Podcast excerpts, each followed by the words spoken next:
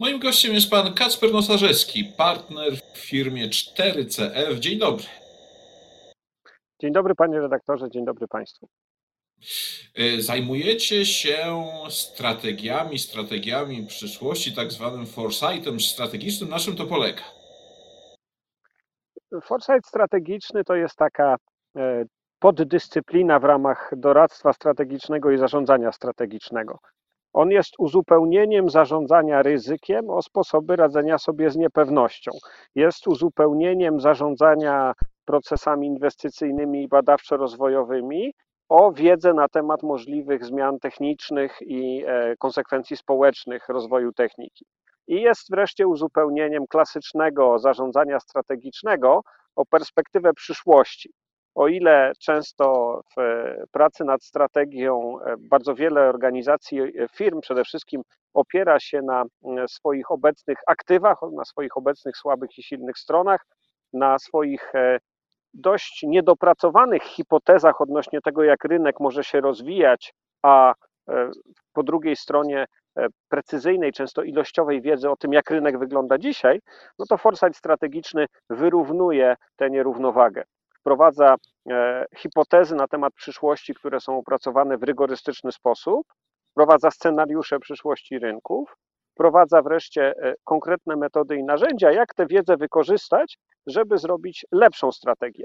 I to jest e, skarbem i zasobem e, przede wszystkim dla dużych przedsiębiorstw, ale w coraz, większej, w coraz większym stopniu widzę w sektorze publicznym również zainteresowanie foresightem strategicznym, gdzie on nie służy do wygrywania na rynku przyszłości, tylko do poszukiwania takich definicji dobra wspólnego czy, czy, czy spraw publicznych, e, które będą pozwalały tworzyć lepsze polityki.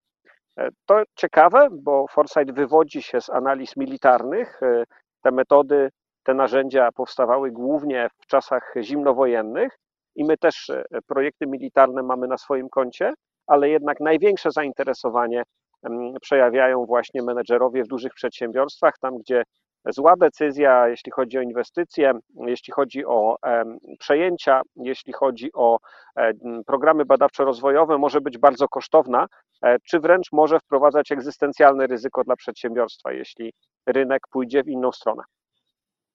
No tak, ale żyjemy w czasach wielkiej niepewności. Tę niepewność również odczuwa e, biznes. I czy e, wy i rynek, nazwijmy to tego typu usług, był w ogóle w stanie no, przewidzieć tę niepewność. Pewnie firmy lat temu kilka, na przykład przed pandemią, swoje strategie by układały no, w jakiejś części inaczej, wiedząc, co się może zdarzyć. Czy w ogóle miały szansę wiedzieć, co się zda może zdarzyć? Pandemia, no, oczywiście kwestia wojny, kwestia hamowania gospodarki, czasów wysokiej inflacji. Dało się to przewidzieć jakkolwiek? nie chcę, żeby to zabrzmiało kokieteryjnie, ale żadne z tych zagadnień, które Pan wymienił, czyli pandemia, czyli eskalacja wojny w Ukrainie, czyli zaburzenia makroekonomiczne związane z zaburzeniami dostaw, e, w tym zaburzenia na rynku półprzewodników i tak zwany kryzys chipowy, w którym się teraz znajdujemy, to nie są zdarzenia, które są zaskakujące dla wszystkich. To są pewne konsekwencje możliwych do odczytania wcześniej sygnałów zmian, bardzo trudne do wyprognozowania precyzyjnie, bardzo trudne, żeby określić, kiedy dokładnie i wedle jakiego scenariusza będą się rozwijać, ale wszystkie one są klasycznym repertuarem projektów, które realizowaliśmy w ostatniej dekadzie.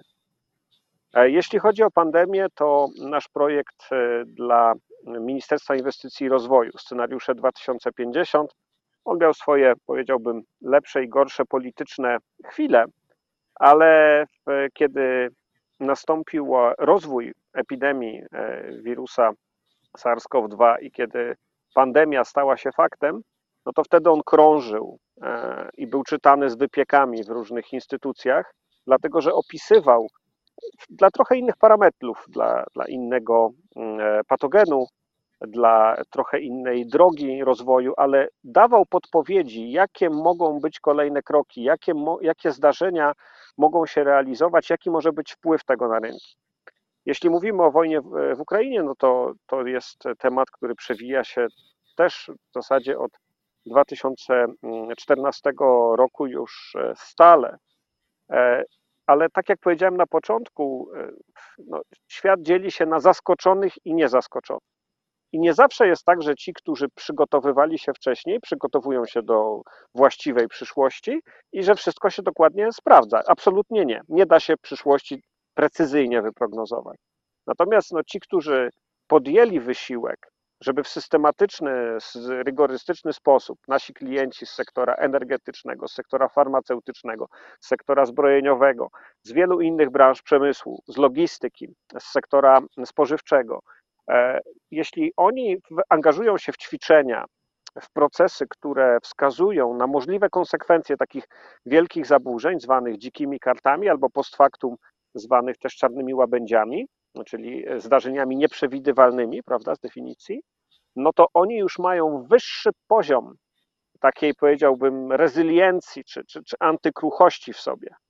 E, dlatego e, nawet ze świadomością opartą na, na już ponad dekadzie pracy w projektach foresightowych dla bardzo różnych klientów, ze świadomością, że przyszłości precyzyjnie przewidzieć się nie da, więc, więc e, nie mogliśmy powiedzieć dokładnie, kiedy nastąpi, e, kiedy pojawi się pacjent zero, kiedy e, albo jeśli chodzi o wojnę, wojnę na Ukrainie, to, to jest domeną wywiadów, służb specjalnych, żeby określać ruchy wojsk i przewidywać te scenariusze operacyjne.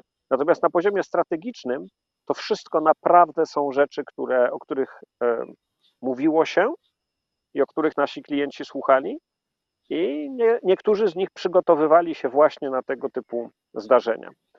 Tyle tylko, że wtedy, kiedy występuje jakiś kryzys, no to e, z oczywistych względów e, chełpienie się tym, że się wiedziało, no nie należy do dobrego tonu, dlatego że w tym kryzysie, te kryzysy wielu rzucają na kolana, Wiele organizacji przeżywa poważne zaburzenia, e, które mogą się kończyć redukcją zatrudnienia, często restrukturyzacją, upadłością, w ogóle wypadnięciem z rynku. Tak się dzieje, zwłaszcza jeśli chodzi o zmiany technologiczne i o zmiany produktowe. Mm, e, no to w, w tym momencie ci, którzy mieli tę korzystną asymetrię informacyjną, są skupieni na wykorzystywaniu szans i chronieniu się przed zagrożeniem, a nie na opowiadaniu, że myśmy wiedzieli, bo, bo jaka z tego, jaki z tego pożytek tak naprawdę, żeby no kogoś no to swoją, swoim foresightem. No to proszę mi powiedzieć, e, co się dzieje w tej chwili? Na jakie procesy, e, te duże procesy współczesnego świata zwracacie uwagę właśnie mm, biznesowi? Co budzi, no nie wiem, z jednej strony być może niepokój, a co czytujecie na przykład jako szansę?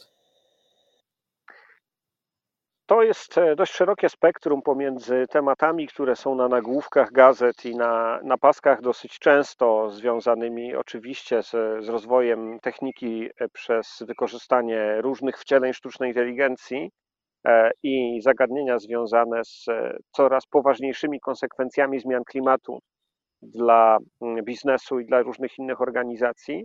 E, oba te zagadnienia, e, które są, powiedziałbym, bardziej popularne, czy o których mówi się więcej, od, od dłuższego czasu są na naszej agendzie i, i, nasi klienci, czy na przykład Sekretariat Konwencji Ramowej do Spraw Zmian Klimatu ONZ, który jest naszym klientem w zakresie pełnego procesu strategicznego, czy inne organizacje, które interesują się przyszłością sztucznej inteligencji i jej wpływem na, na swój biznes, e, no to powiedzmy, że to są tematy dość dobrze zdefiniowane.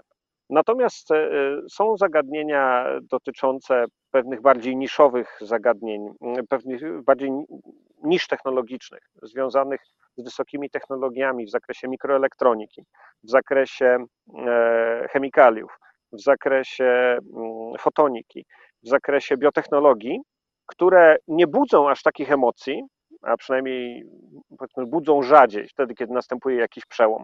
W Polsce interesowaliśmy się 7, 8, 10, 10 lat temu bardzo grafenem i e, nowoczesnymi materiałami. Dziś powiedzmy nie jest to temat, który jest na pierwszych stronach gazet, ale zarazem z perspektywy wielu e, innowacji w zakresie medycyny, w zakresie farmacji, w zakresie e, nowych materiałów i nowoczesnego przemysłu, zagadnienia na przykład mm, nowoczesnej technologii materiałowej, nanostruktur, nanotechnologii, fotoniki. To są zagadnienia wiodące, zagadnienia bardzo ważne.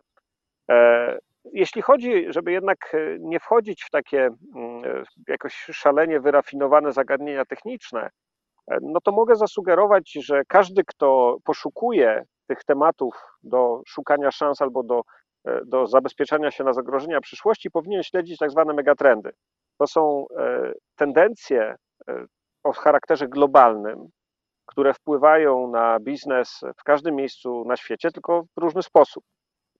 Ważnym megatrendem jest słabnące bezpieczeństwo żywnościowe.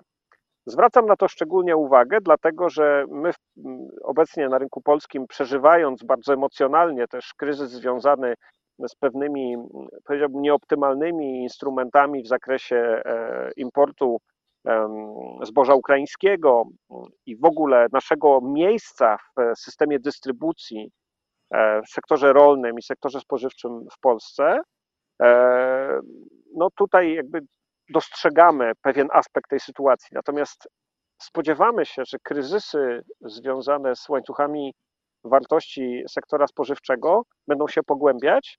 I co więcej, sektor spożywczy będzie z jednej strony dążył do tego, żeby zmniejszyć swoją ekspozycję na ryzyko, ale w wielu przypadkach w miarę rozwoju tak zwanej zielonej, zrównoważonej i ucyfrowionej produkcji żywnościowej, czyli zwiększania wartości dodanej, zwiększania marż i zmniejszania negatywnych, e, negatywnego wpływu na środowisko, ten sektor będzie się uzależniał od e, kolejnych e, innowacji i tak naprawdę stopień komplikacji raczej będzie rósł niż malał w najbliższych latach.